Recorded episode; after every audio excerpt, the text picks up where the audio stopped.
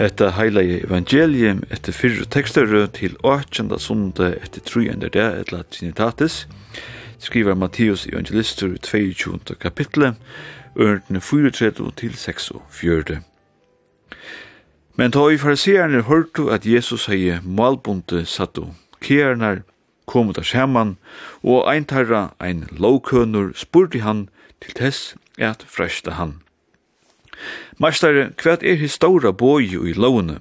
Men han sier vi han, Tu skalt elska herran godtun av ötlun hjartatunun og allar saltunne og ötlun öllun. Hette er historia og fyrsta boi. Men eitt anna er enn og ir hesun lukt. Tu skal elska nasta tun som sjolvan te. Og i hesun bavun, bovnun honkur öll loven og profetanir. Men medan fariserne våre samankomner, spurte Jesus teir og sier, Hva at halda tid om Kristus? Hva sonur er han? Tar sier vi han, Davids. Han sier vitt teir, Kvosso kan ta David og i andanon kalla han Herra, Ta han sier, Herren sier vi Herra moin, sete vi moin høgru li, til i ledje tøynar under føtter Ta inn David kallar han Herra, Hvordan kan han ta vera sonur hans herra? Og ongen kunde svære honom eit år, ei heldur tårde nekar meira etter tante, a sete honom ein spurning. Velkommen til sendingsna hetta heilige evangelie skrivar, her vid vitsjera pratikoteksten til morgen, godfrøylja, etla fra en exegetiskun sjånarhåttene. Exegesa er ein godfrøylig lærgrein i mersker at tekstren mittel anna verur vitjørtur utfra taimun treitun etla premissum såleis som samtugin og omstøvnar våro og kraudotea ta tekstrin blei til. Prætikutekstrin i morgen hefur tvinne evne. Fyrre evne snur seg om ta størsta boi i lovene, Hisaitna snur seg om hvor Kristus er og kvann myndeleika etla autoritet han hevur.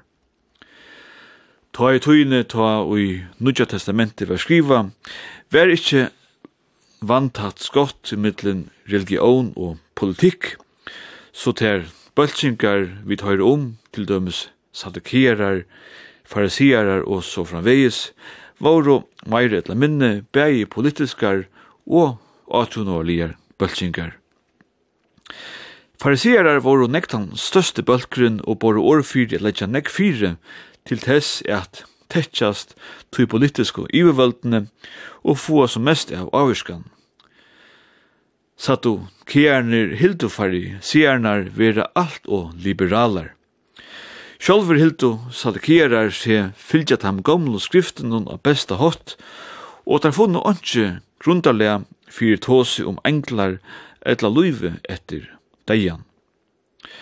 Sadokierar var ikkje så fjellmenter, men tar hørto til til aristokratisko elitina, og saman vi fariseeron her ui jødiska ranun.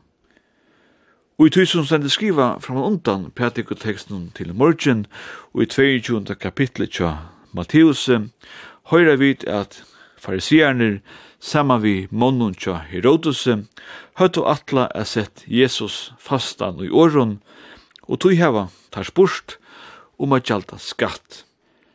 Ta vært vært affærene tar fingu til vuja gittna sverre, at tar skulda djeva kaisarnu og til ui kaiserans vær, og gode til ui guds vær.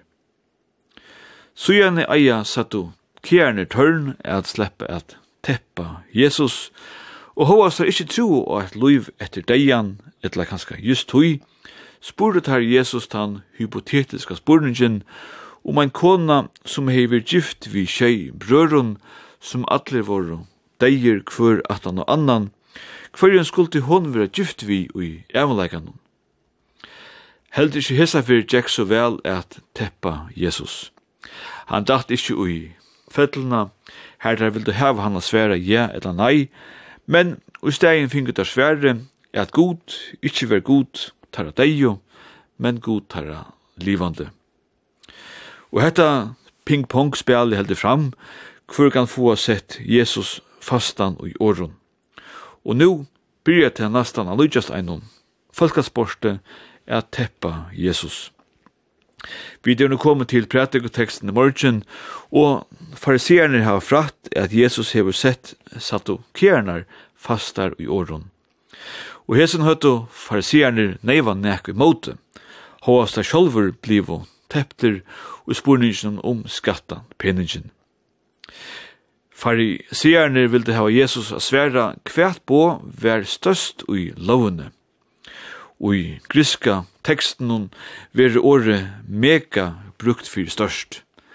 Eit år som kanskje onkur ur yngra atterlivene kjenner, til okkur skal siast størst etla mega størst. Så her er altså talan om neka størst.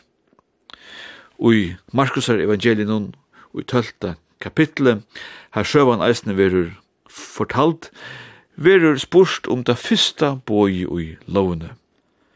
Som så var hett ikkje nekkar buttur spurningur, tui farisierne høttu ikkje bæra til tutsi boine, Tilsammans høttu teir 613 bo. 335 forbo og 248 avmyndingar. Det vil si at fire atlar teir 335 dianar i årenon var eit forbo, tu skal ikkje, og fire öll tei 248 liene i kroppen var en avmynding, tu skalt. Så her var nekva halda kilo, Og hetta var helt ikkje fyrste fer og jødiske søvne er spurt vær kvært bo vær det størsta, og nu er spennande kvært Jesus får sværa. Om enda kanskje var meira spennande om det hese fer for etnast at seta han fastan og i åren. Men hette etnast som kunnot ikkje. Jesus valde å teka eitt brot ur satta kapittel i 5. Mosebok, her det stendur, Tu skalt elska Herran godtuin av ötlun, hjertatuinun, av allar sval og ötlun måtte tuinun. Hetta var det størsta og fyrsta boje, sier Jesus. Men så tok han eit atræt, hesa fer ur 3 Mosebok, kapittel 19, og sette til ajant vi hitt.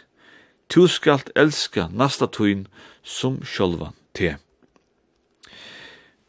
Jesus tvinna i såsta tvei imisk bo ur gamla testamentet til eit dubult bo, til til dubulta kærleiksboje. Hette er boje om man fyre öll onnur bo. Som sagt var onnur ui samtøyne tja Jesus som brønt og svære hesson sama spurninge kvært bo vær størst. Ta sikst at ein lærare, ein rabbi som kallaist Hillel, og vær samtidig med oss Jesus. Einar fyrir skulle læra ein hætning, til å si ein og ikkje var jøte, Alla ta jødiske lovna oppa ta tui, hætningrin klari standa og einun beine. Hillel tók saman om lovna og seie, Ta som du sjálfur ikkje kanst, torka, skal du heldt ikkje gjere mot tuinun nasta. Stort og greit. Nu kunne vi kanskje si at hetta svære tja Hillel, læreren hun, var meinlukt tja Jesus. Men her er korsen en monor. Hillel valde å sværa negativt til å si hva hin ikke skulle gjøre. Hin veien svære Jesus positivt. Han sier hva vi skulle gjøre. Vi skulle elska Gud og nastan. Og så er det at Jesus sjálfur tekur til årana og spyr farisiernar hvem halta Kristus vera. Nu åttu farisiernar kanska heldur av takt etla sværa at hatta ver ein gaur spurningur. Men farisiernar, ja, tar gjerra som tar vera bittner og svære at han er sonur Davids. Men så er det Jesus sværar taimun bokstava tryggvo farisiernar attur vi en skriftstegi ur Salmi og i Gamla Testamentet, her David kallar Kristus Herra. Hvordan heta kunde bera til, kunde farisierner to ikkje sværa. Men te er to moner av å være sonur Davids og at være herre Davids. Som sonur Davids heie Jesus, verit han nutje politiske kongren og vi får å vinna dem landet og kjølstøyre attur. Men som herre er han meir enn til. Han er ikkje kommende at avtaka jødiske lovuna, men at fullfør henne. Han er ikkje minni enn Guds sonur, og tog hever han myndelaga a sia, tu skalt elska. Ikkje at vit, eller at man kan elska, men at vit skulle elska.